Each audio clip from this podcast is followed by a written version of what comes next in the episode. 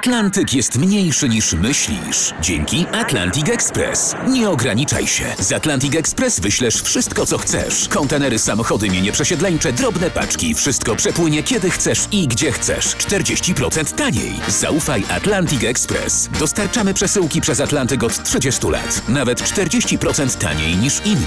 Dzwoń 1 800 775 73 63. Ekspresowo przez Atlantyk. Tylko z Atlantic Express. Jasna strona świata prezentuje Marek Tomalik. Po jasnej stronie świata Kamila Oliver, doktor fizyki i przewodnik polarny. Rozmawiamy o Grenlandii.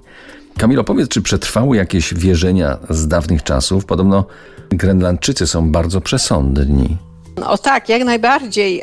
E, Ja bym powiedziała, że oni wierzą w różne takie stwory, czy nawet bestie. To znaczy, nie wierzą, to jest tak jakby zakorzenione.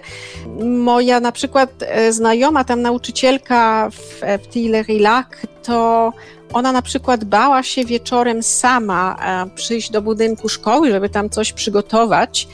Mają właśnie takie ciekawe podejście, wszystko jest takie, wszystko jakby powiedzieć ma e, swoją duszę, może nawet dusza Inua, to tak, taka koncepcja właśnie typowo inuicka, zwierzęta i, i skały i tak dalej.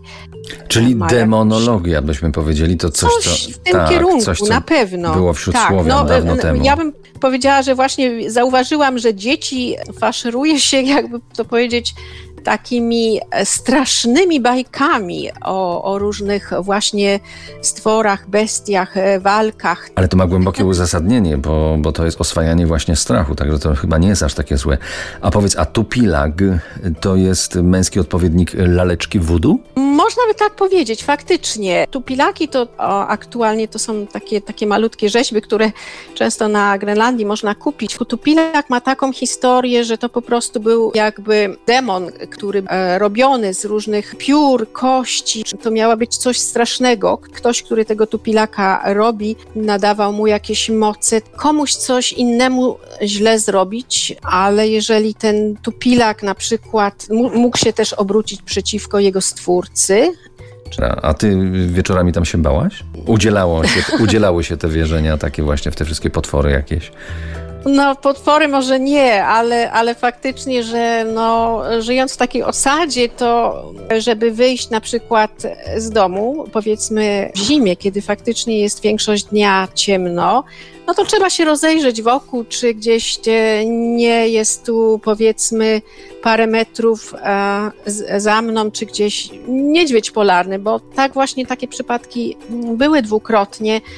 No, nie tylko na Grenlandii. Yy, Tutaj w Beskidzie Małym, gdzie mieszkam, yy, dwukrotnie słyszałem o obecności niedźwiedzia. Jeden był blisko ogrodu z y, sąsiadów, a drugi na przystanku autobusowym, więc w ogóle Niesamowite. myślę, że, że troszeczkę mamy wiedzy na temat mieszkania takiego samotnego na Grenlandii.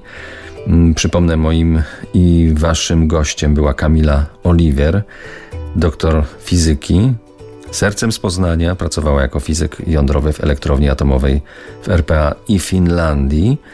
No a podróżniczo miłośniczka zimna i obszarów polarnych, szczególnie właśnie Grenlandii. Dziękuję Ci tutaj za Twój czas dla nas. Dziękuję bardzo, Marek.